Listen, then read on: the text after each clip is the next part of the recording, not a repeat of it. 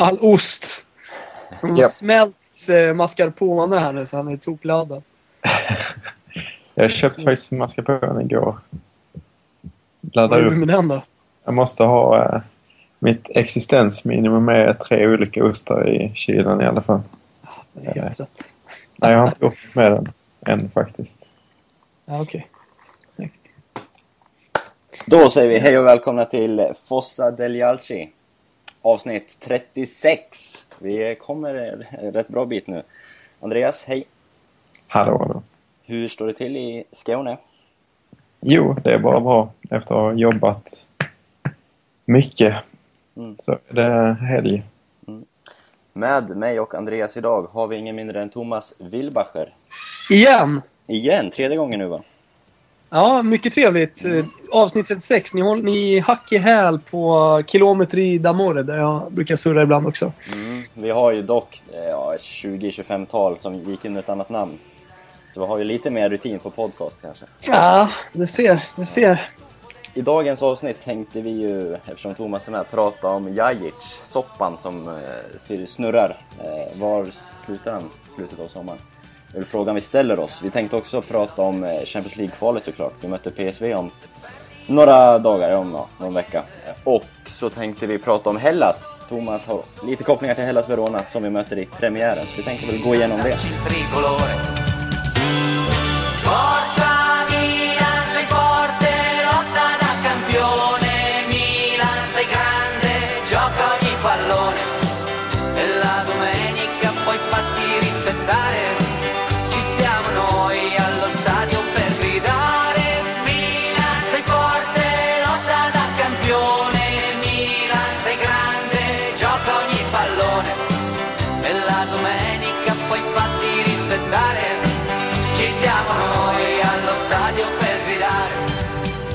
Ja, vi börjar med Adam Djajic. Ska vi ta det hela från början tycker jag. Eh, det var ju för förra säsongen han eh, hamnade lite bråk med eh, Delio Rossi som då tränade Fiorentina. Och Mm. många trodde väl han skulle behöva lämna efter det. Men Montella kom och gav honom en andra chans om man får kalla det det. Och han stod för en riktigt bra säsong nu. Och nu, kontraktet går ut om ett år och Galliani är där och försöker sno över honom till Milan. Sen har vi lite andra grejer, Montolivo och hur säsongen slutar och så. Så relationen Milan-Fiorentina är väl sådär. Thomas, Det har varit bättre. den har varit bättre om vi säger så. Du, Ja. eh, om vi börjar bakifrån, det här med Delio Rossi. Trodde du Mm. verkligen att Jajic skulle stanna kvar i Fiorentina efter det? Ja, men alltså, eh, det som hände där med Delio Rossi, det var liksom bara, vad ska man säga, grädden på moset och droppen som fick eh, bägaren att rinna över. För det, det var ju så att Jajic hade fått ganska många chanser under Delio Rossi. Och han hade fått chanser innan med Mihailovic också. Eh, så att jag kände liksom att, eh, äh, men nu, nu får det vara nog. Han har fått så mycket chanser och så är han så stökig som han är. Det hade ju varit eh, vissa, vissa problem tidigare. Om ni minns det med Nutella, magen och så vidare. Det var även så nu när han kom tillbaka faktiskt från eh, ledigheterna till eh, retirot att Montella det första han sa, han frågade hur, hur känns Jajic då? Självklart med koppling till Mercaton. Då svarade han bara, ah, han har blivit lite för tjock under, under ledigheten. Nej men så, eh, så det, det är klart att det kändes som att han var på väg bort förra sommaren. Eh, sen, sen var det ju Montella som någonstans räddade honom kvar. Eh, för han gillar honom. De har en speciell relation, Montella och Jajic. Och det är det som är... Ja, numera efter fjolårssäsongen så, så har ju även eh, Fiorentina-fansen och den övriga ledningen fått upp eh, ögonen och fattat vilken stor talang han är och att det faktiskt kan, kan bli en världsspelare av honom. I alla fall precis under den absoluta toppen. Mm. Så att... Eh, Eh, det har liksom, ja, ha- hans, hans aktier i Fiorentina har hela tiden stärkts och eh, Eh, som du säger, nu står vi ju i ett Montolivo-läge och Andrea Della Valle, presidenten, har ju lovat eh, när han var på Retirot senast, så lovade han att det inte skulle bli någon, någon Montolivo-historia av Jajic. Eh, nu går ju dagarna och vi, vi, det är den 11 eh, augusti när vi spelar in det här eh, och det är 20 dagar kvar på Mercaton. Vi vill till att det löses, eh, att, att det löser sig. Och det verkar ju som, det, det är svårt att läsa av den här situationen, vem som vill vad. Men i alla intervjuer, Montella, Andrea Della Valle och spelarna i Fiorentina, säger ju att Ljajic, Ljajic själv har inga, han, han, han han liksom inga tveksamheter egentligen. Utan han vill vara kvar. Han vill fortsätta spela under Montella som har så stort förtroende för honom. Eh, men samtidigt då så, eh, så har han ju en agent, eh, han har en framtid eh, att tänka på, vad är bäst för honom eh, och så vidare. Han har en pappa som vill lägga sig i det här också. Så att, eh, ja, nej, men det, det, det, det är helt klart en komplicerad eh, situation. Jag vet inte riktigt, eh, eh svårt, svårt att säga hur det kommer lösa sig. Andreas pratade om agent i singular. Vi snackade lite Ja. innan nu, innan Thomas anslöt samtalet, om... eh, Det är ju två agenter var snack om. Kan du reda ut det? Ja, Alltså jag har inte, jag har inte jätteinsikt, det kan jag inte påstå. Men eh, så som jag har förstått det så är det att Fiorentina tror att han har en agent. Som är han Fali eh, Ramadani. Och Milan tror att det är någon Laden Fortula eller något sånt som jag inte har hört talas om tidigare. Ehm, så det är väl, där har jag förstått att det rör sig en del stökigheter. Så som jag har uppfattat det så han eh, Fali Ramadani som Fiorentina tror är hans agent då eh, är ju även agent till Jovetic. Ehm, och ehm, jag fick intrycket av att Fiorentina liksom var, var kommit överens med den här agenten om att eh, skicka iväg Jovetic för att liksom Jais ska kunna stanna. Och liksom Ramadani är också inne på det här att Jais ska stanna. Men det är den andra agenten som Milan kontaktar liksom som eh, inte är lika sugen på det. Och sen så pappan eh, har man liksom har jag dålig uppfattning överlag vad han, vad han vill, men han har tydligen en, en viktig vilja i sammanhanget. Har du något, Eh. något att tillägga där? Eller Andreas Nej, men alltså, ja, ja, det är ju intressant att det har såklart att det har dykt upp ytterligare en agent. Ramadani har alltid varit den som har eh, talat för Ljajic och det har väl aldrig egentligen varit några tveksamheter kring vem, vem som är hans agent. Eh, och han har ju sagt det själv ju, Ramadani, att eh, det är han. Sen händer det, eller händer, det är ju väldigt vanligt i, i eh, den här världen att, att det finns eh, flera personer eh, och flera intressen i, i, intressen, intressen i, i en spelare. Men ofta till exempel när svenska, kolla bara på svenska övergångar till Italien. Ja men då, då är det en agent och sen har man ofta en representant i ett land. Mm. Eh, som man kontaktar som hjälper till med affären. Eh, om Martin Dahlin åker till Italien, pratar dålig eh, italienska och så vidare. Ja men då, då finns det ofta en representant. Eh, Granqvist har, jag vet eh, de här Malmö-spelarna nu som har varit eh, på gång in. Eh, när Pontus Jansson har varit på, på gång till, ehm, eh, till, till Italien så har det också funnits en, en, en svensk agent, eller en italienare som bor i Sverige som jag känner lite grann som, som har varit liksom mellanhand. Och som också ibland kan få, få ett förtroende från eh, en, eh, en klubb att faktiskt förhandla med, alltså mellan, mellan klubbarna. Så att han får liksom den rollen också. Att till exempel Kievo kontaktar den här agenten som säger kan du, kan du se till eh, att försöka lösa honom till oss? Och så är han, den agenten har sen sina agentkollegor runt om i Sverige då, som han eh, eh, samarbetar med. Så det, det finns alltid en massa mellanhänder. Så det är klart att det, det är ju en... Eh, Corvino sa det vid flera tillfällen att liksom det, det är en jävligt smutsig värld det här vi lever i. Och, och det är jäkligt mycket skit liksom som händer och mycket pengar som går emellan. Eh, som man aldrig ser och, och sådär. Och det, det ska man ju ha jävligt klart för sig. Liksom, att man måste ha väldigt vassa armbågar och eh, ja, kanske inte alltid liksom agera 100% korrekt om man ska lyckas i slutändan. Vilket Galliani kanske inte gör i dagsläget, eller har gjort på senaste tiden. Han är Ja, ju det- väldigt, väldigt, eh, att han spelar så fult nu, speciellt från, eh, från Florens håll. Men man förstår honom ju också. Liksom. Kontraktet, faktum är ju att kontraktet går ut om ett år. Mm. Då är han free agent. Och alla vet ju att priserna på spelare går, alltså, går ner ganska kraftigt året innan om det är bara ett år kvar på, på kontraktet. Det vet ju alla. Så jag, alltså på ett sätt så tycker jag inte så jävla konstigt att han har bara erbjudit 8 miljoner för honom. Jag tycker att it's a part of the game liksom. Och det är väl det Fiorentina spelar nu också. De spelar samma spel. Mm. Eh, och blir sura tillbaka på något sätt. Sen så kan jag också tycka att det finns det här med att man säljer till en direkt, kon- direkt konkurrent. eh, Nu när man trots allt måste ändå se dem, även om värdet på Milans trupp är större och så vidare, så ser de som direkt konkurrenter i toppen. Så sälja en sån pass bra spelare som ligger så högt hos eh, Eh, stänger du dörren är det ju snabbt. Ligger så högt i, i kurs hos, eh, hos tränaren som, som Jajic gör. Vi har, vi har ju sådana case hela tiden i alla ligor, i alla länder. I, kolla bara på Rooney liksom, och kolla på Suarez eh, också. Så, så är det ju precis samma situationer. Mm. Eh, Jovetic var ju en annan, annan sån. Eh, man ville ju verkligen inte sälja till Juventus. Man ville ju sälja utomlands så man slapp möta honom. Nu sägs det ju, eller det sades för någon vecka sedan att, att Jajic, ja du säger att han, att han vill stanna, men andra källor har ju sagt att han har kommit överens om det personliga kontraktet med Galliano och med Milan.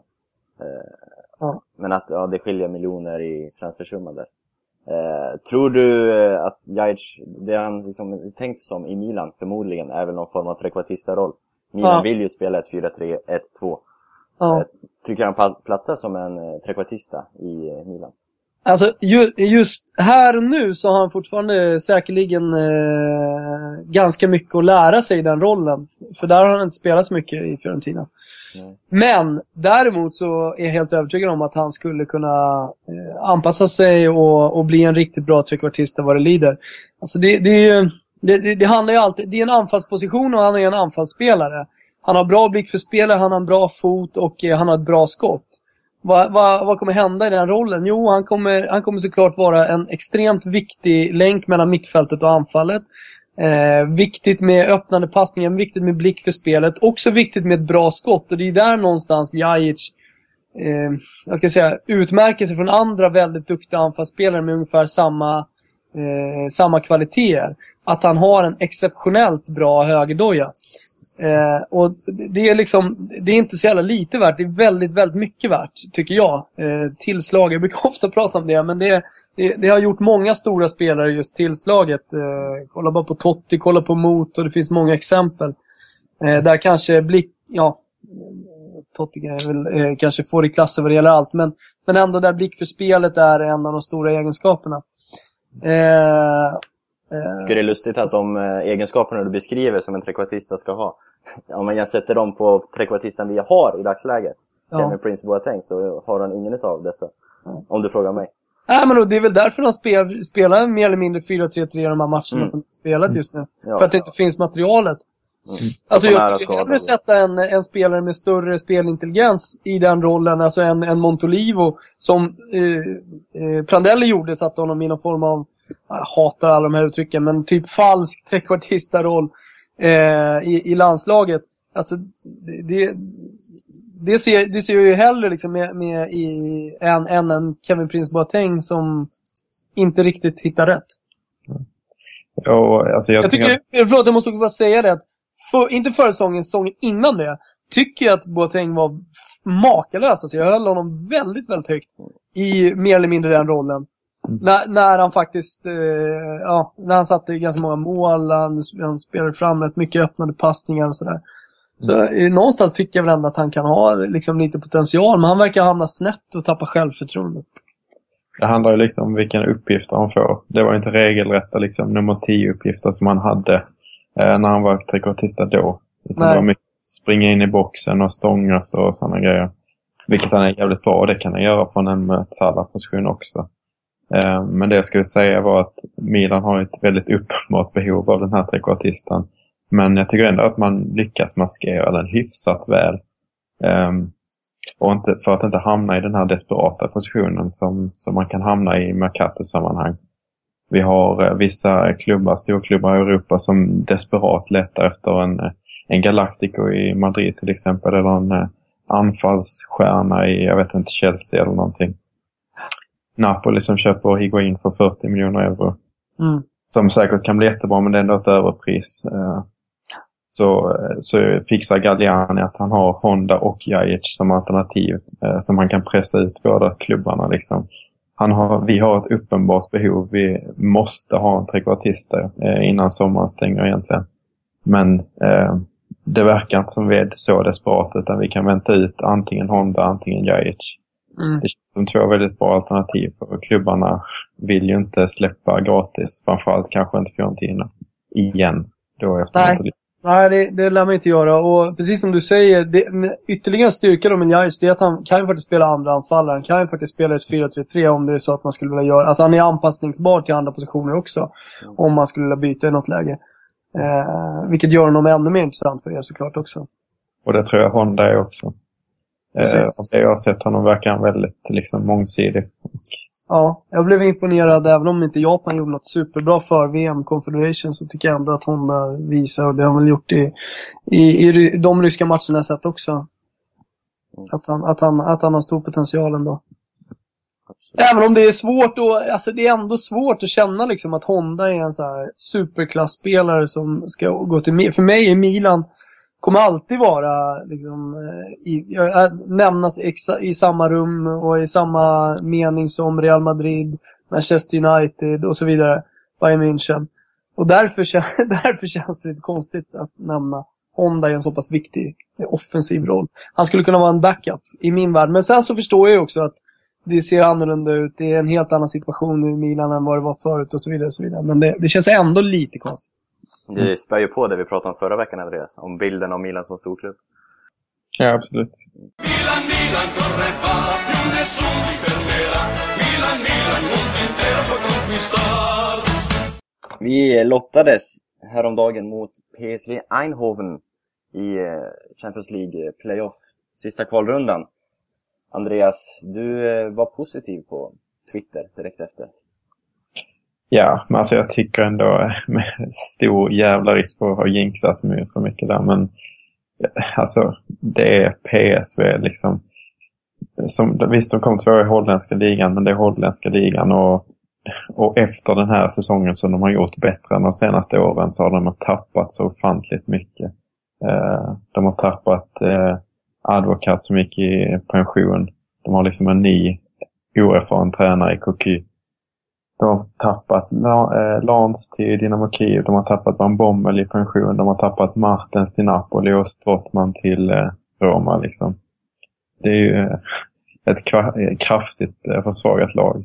Och dessutom så spelar de i holländska ligan. Som jag har ganska lite respekt för om jag ska vara ärlig. Såg du matchen igår, Andreas? Nej, det gjorde jag inte. De, Jag vann, ja, vi kan säga, de vann ju med 5-0 mot NEC, eller NEC eller vad man ska kalla dem. Eh, en 96a, Zakaria Bakali från Belgien, gjorde hattrick.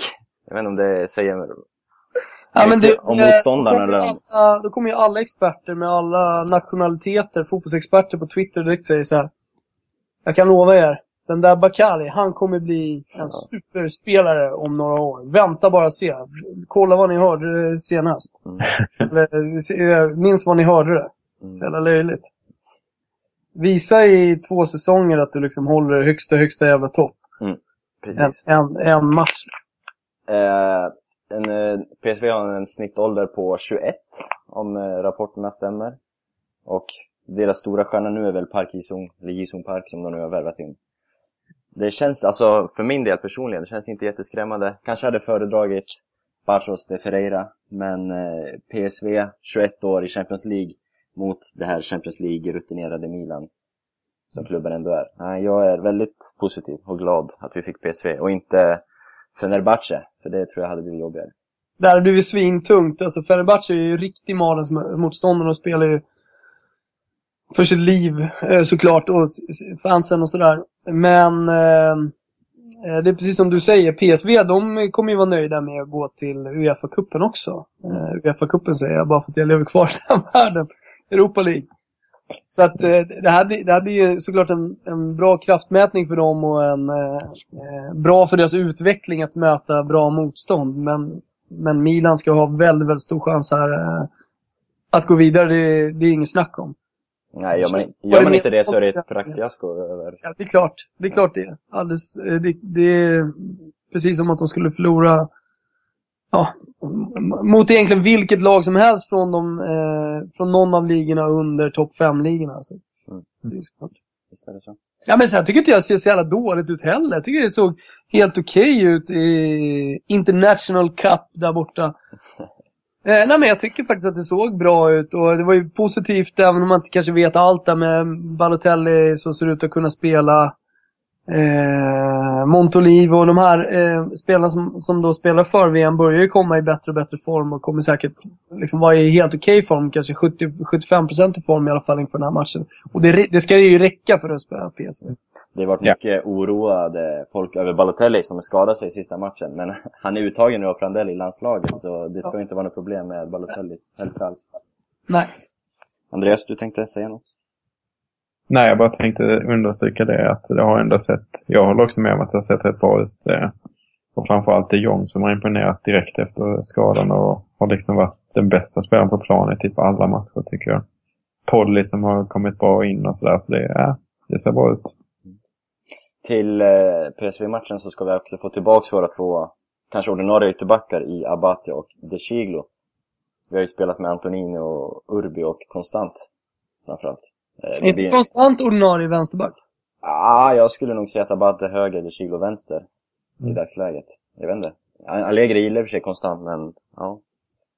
Han blev ju petad nu i slutet. Urbi, eller Emanuelsson fick Jag skulle nog säga eh, konstant eh, ordinarie vänsterback, eh, Balotaggio mellan eh, Di Chilio och Abate. Men ja, Ja, vi får se. Eh, han, var, han försöker ju, ser det ut som han spelar in eh, Emanuelsson som vänsterback nu, så kanske Konstant Emanuelsson konkurrerar om den platsen och Abate de Chilo till höger. var inte Real Madrid som var intresserade av Di Chilio? Jo, Ancelotti ska vara- vara sugen. Mm. 12 Fan. miljoner är ett hån. Ja, faktiskt. Eh, Men, eh, vad skulle jag mer säga? Jag har lite anteckningar här. Mexes är tillbaka från sin skada, men han är avstängd. Så han kommer inte kunna spela, så det blir väl superstjärnan Silvestre från start. Det är i och för sig lite intressant med tanke på att jag hyllar honom lite, hyllar den affären lite sist. Mm. Hur Wilbacher ser på det. Alltså jag gillade ju honom extremt mycket när han spelade i Catania. Jag hyllade köpet eh, av Zamparini när han tog honom. Det var, ju, det var ju snack om större klubbar än Palermo. Det var ju under den tiden Palermo fortfarande var lite heta. Eh, jag tyckte det var ett jättebra köp. Sen eh, efter det så har det ju bara gått ner för. Men man ska också komma ihåg att skador och Ja, han har haft svårt att, svårt att färga och inte riktigt kunna hantera den, eh, eller hantera situationerna. Alltså kommer han rätt in i Milan här nu, så talangmässigt så tycker jag att han är en riktigt bra spelare och håller hög klass. Mm. Och sen måste jag också säga att jag tycker att eh, Zapata som någonstans också bara köpet av Zapata smög sig in. Eller eh, smög sig under ra- radarn på något sätt. Eh, Det var inte speciellt många som pratade om det. Det tyckte jag också var jättebra direkt och det har ju visat sig också ha ha varit en väldigt bra värvning. När han spelade i Udinese så var han ju en av ligans 6-7 bästa backar i alla fall. Jag tycker ändå, för då jämförde vi det. Dels att det är en idé ex Inter så att säga med alla Mm. spelare som kommit från Inter och gjort det bra. Eh, och då idé Zapata i, i en mittback som har haft dålig, nu har han har i sig haft eh, ett par dåliga säsonger men lite som Zapata att han spelade jävligt bra i Udinese, gjorde en dålig som i Villarreal. Mm. Det, det påminner lite om, om den I ett lag som eh, kanske inte var toppbra då heller. Man ska komma ihåg. Alltså Villarreal dök ju sen. Mm. Det, Ja, det, det är lätt att glömma bort liksom att spelarprestationer också påverkar. Att en spelare inte gör ett lag alltid. Eh, och att, att spelarprestationer påverkas av övriga laget såklart också. Lite som i Inter för säsongen också. Jo, men faktiskt. Som inte var på topp. Faktiskt. Stramala. Milan, Milan corre va, più nessuno ti fermerà. Milan, Milan, mondo intero può conquistar.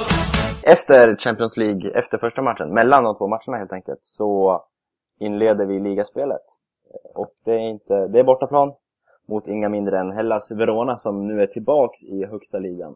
Och Thomas, för de som kan, du är känd som Fiorentina-supporter, men du har även sympatier för Hellas Verona. Det kanske inte alla vet om. Nej, Kan du, var, var, hur, varför kommer det sig? Ja, men... Eh, det, det är väl lite så liksom att eh, min kärlek för Fiorentina växte sig såklart ännu starkare när jag, när jag hade säsongskort och åkte på alla matcher, eh, bortamatcher och gick på alla hemmamatcher och allt det där. Eh, och då, då anammar man ju allting som händer i, i kurvan. Och en av de grejerna som jag märkte tidigt i Serie B, det var att det var väldigt många med Hellas Verona-halsdukar. Mm. Jag visste ju sedan innan liksom att det fanns ett tvillingskap och en vänskap, men jag tror inte att det var att det skulle visa sig vara så starkt. Sen när eh, Hellas Verona kom och hälsade på i Florens så sprang jag på ett gäng eh, fans på stan i Florens eh, några timmar innan matchen. Och det slutade sen med, vi blev bra kompisar, sen slutade det med att jag faktiskt gick med dem och stod i bortakurvan på Frankie. Och där sjöng vi både Fiorentina-sånger och, och Hellas-sånger. Vilket förekommer i stort sett mer eller mindre varje match i, eh, på, i Curva Fiesole. Att, att man sjunger eh, Hellas-sånger. Nej, men och sen så är det där, sen är jag fortfarande kompisar med dem och jag har varit mycket på matcher på Bentegårdi och jag har också eh, eh, varit på bortamatcher med Hellas Verona. Och stärkt liksom, ja, det ytterligare. Och sen eh, de senaste säsongerna var, tycker jag har varit eh, extra kul att följa dem. När, alltså från botten egentligen. Man var ju faktiskt på väg innan Mandolini kom in, som fortfarande är tränare för, för Hellas. Så var man på väg att åka ur, lägga pro. Eh, och, klarade, eh, och så tog han över då, eh, Mandolini, och förde dem till playoff men lyckades inte ta upp dem till, eh, till Serie B direkt utan klarade det år, år två istället. Och sen eh, mellanår i Serie B och sen upp eh, i Serie A. Så det, var, det har varit kul att följa dem de senaste åren och jag tycker att man har haft ett bra projekt. Man har gjort ett bra skifte av ägare under den här tiden. Och det, det är väldigt sällan liksom, ett ägarskifte är eh, eh, som, att, att det ger resultat direkt, men det har det gjort. Setti nu som är president och, och största ägare har ju kommit in och är, eh, ja, visar sig att han har, eh, han har stora kvaliteter liksom klubbpresident. Och han är väldigt passionerad och, och väldigt hands-on, väldigt operativ i, i, i sin presidentroll. Vilket eh, ofta blir bra. Och så har de också tagit in en sportchef eh, då, som jag håller väldigt kär, vet alla som lyssnar på Kilometer d'Amore och tycker är väldigt bra. Och har en stor framtid, kan säkert gå till något storlag framöver som heter Sean Soliano. Eh, och som återigen, som jag tycker om man jämför med de andra bo tippade bottenlagen i Serie A, eh, gör den kanske starkaste Mercaton av alla. Eh, som, eh, som nykomling i Serie A så är det helt viktigt med rutin och det glöms ofta bort. Eh, man såg inte minst Pescara i fjol eh, värvade en massa spelare men inte så mycket rutinerade Serie A-spelare. Bara det att man gav nummer 10 till vår eh, kära svensk eh, och gav honom mest lön i laget som någon form av stjärna.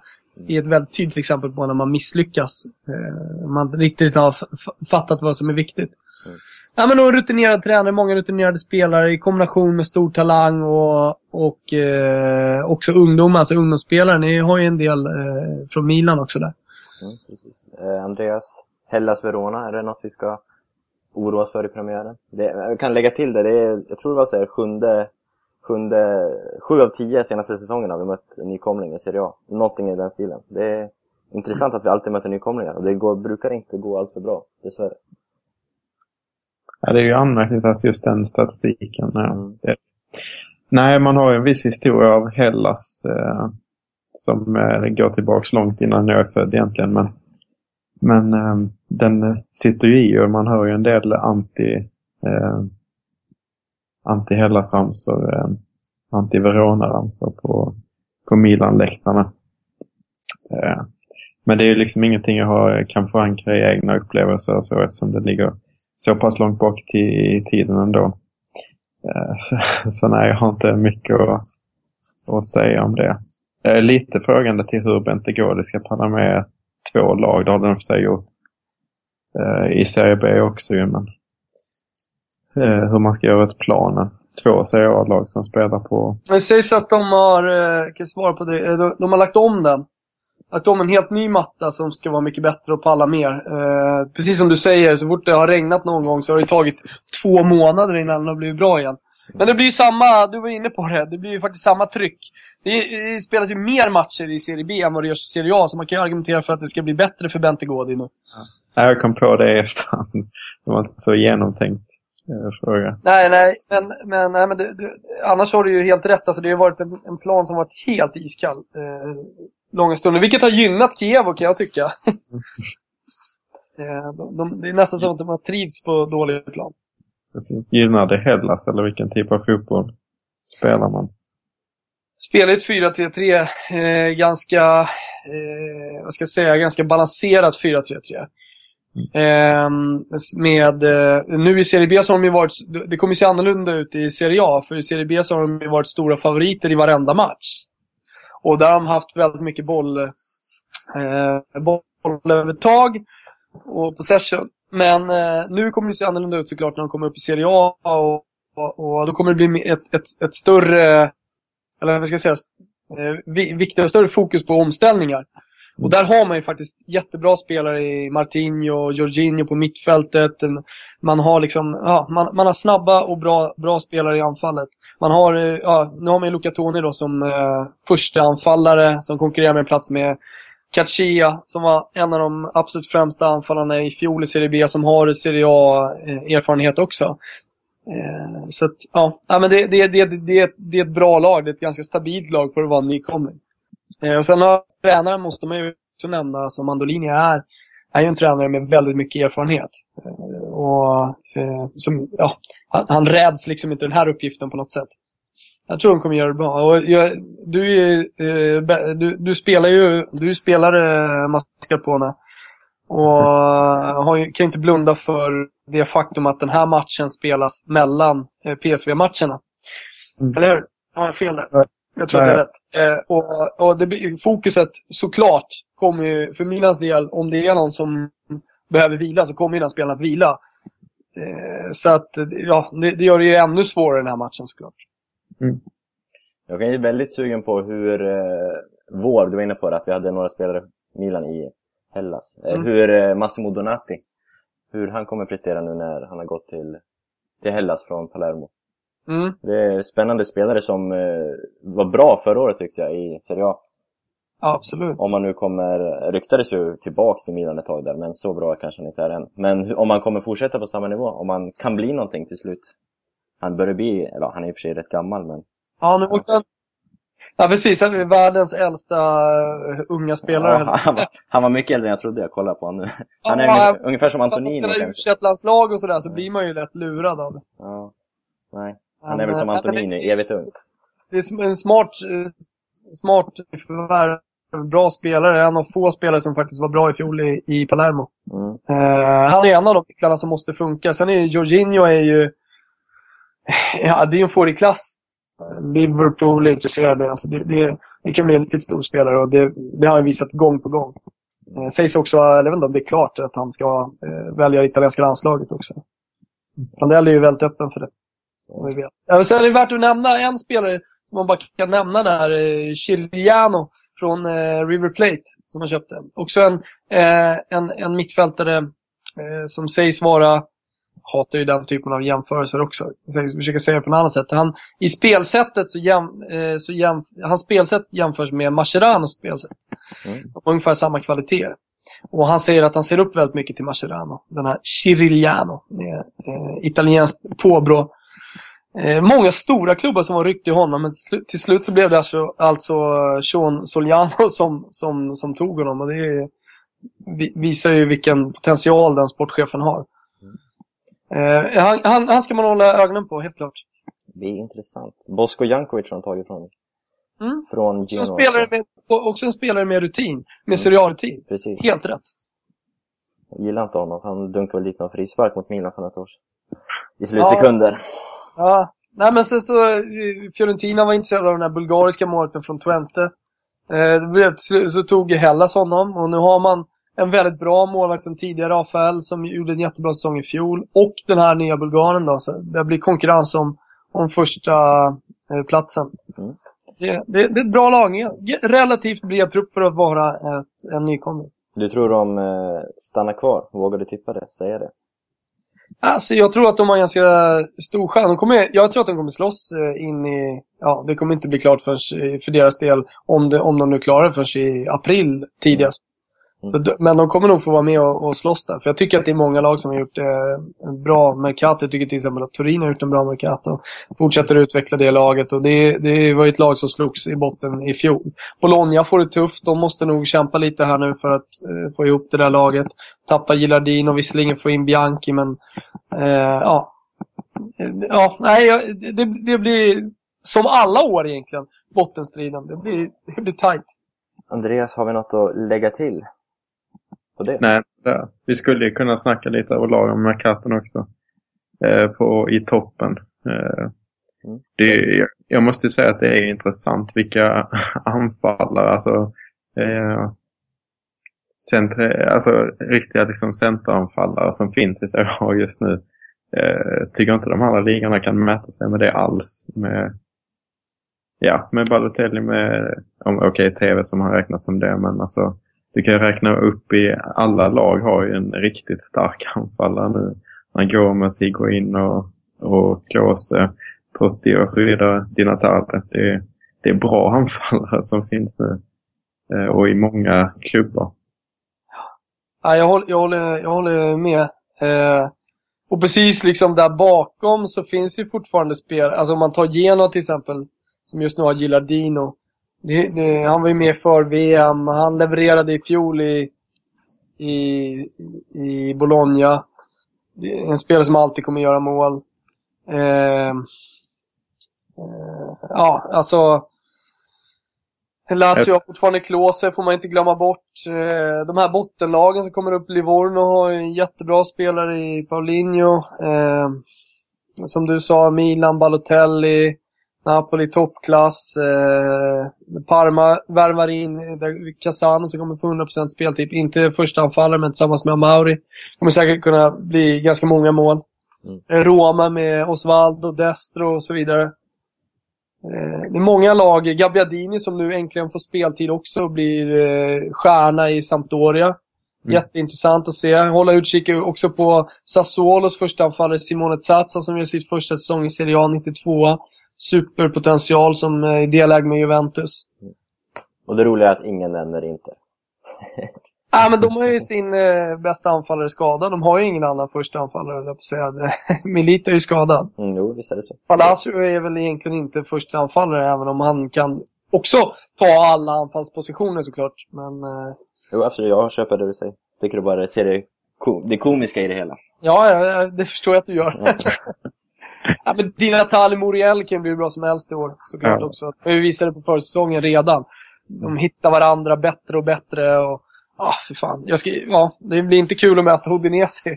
Nej, precis. Nej, sen så var det inte bara anfallare, men också även om det var eh, just en, en, en speciellt stark position. Men alltså det vi har snackat kanske som följer Serie A, att ligan är ändå på uppåtgång.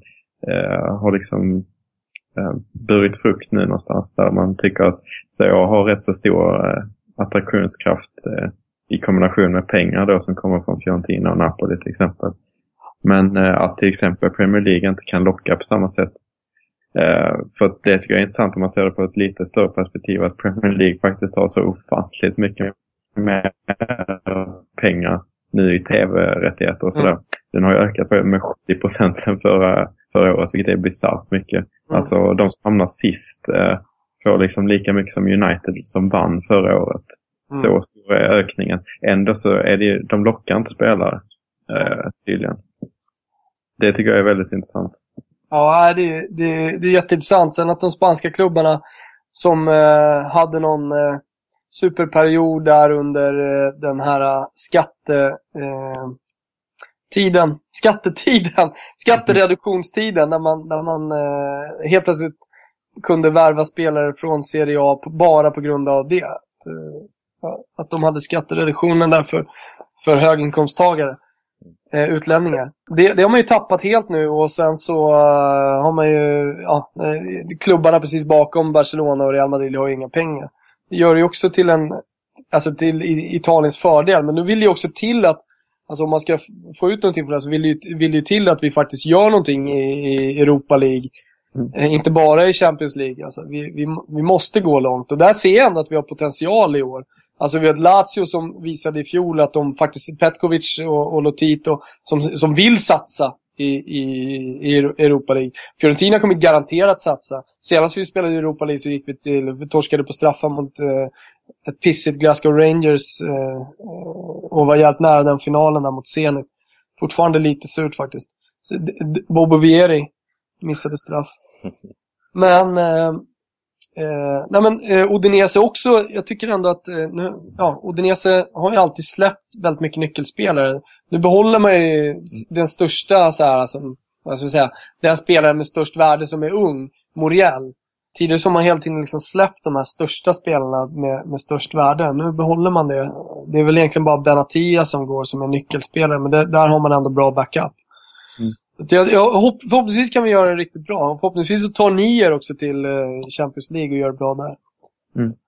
Och jag skulle också gå in på det på Udinese att de inte har släppt någon och sen gå över till att Milan inte har släppt någon till exempel och att det också finns en viktighet i det. Även om du kan tycka, du pratar om Milan som ska värva stora spelare och inte Honda liksom. Att det är löjligt att snacka om att Milan ska behålla spelare kanske men eh, ibland så kan det vara så att man eh, överskattar individuella eh, spelares skicklighet även om det betyder fruktansvärt mycket men det betyder också jävligt mycket att vara samspelta.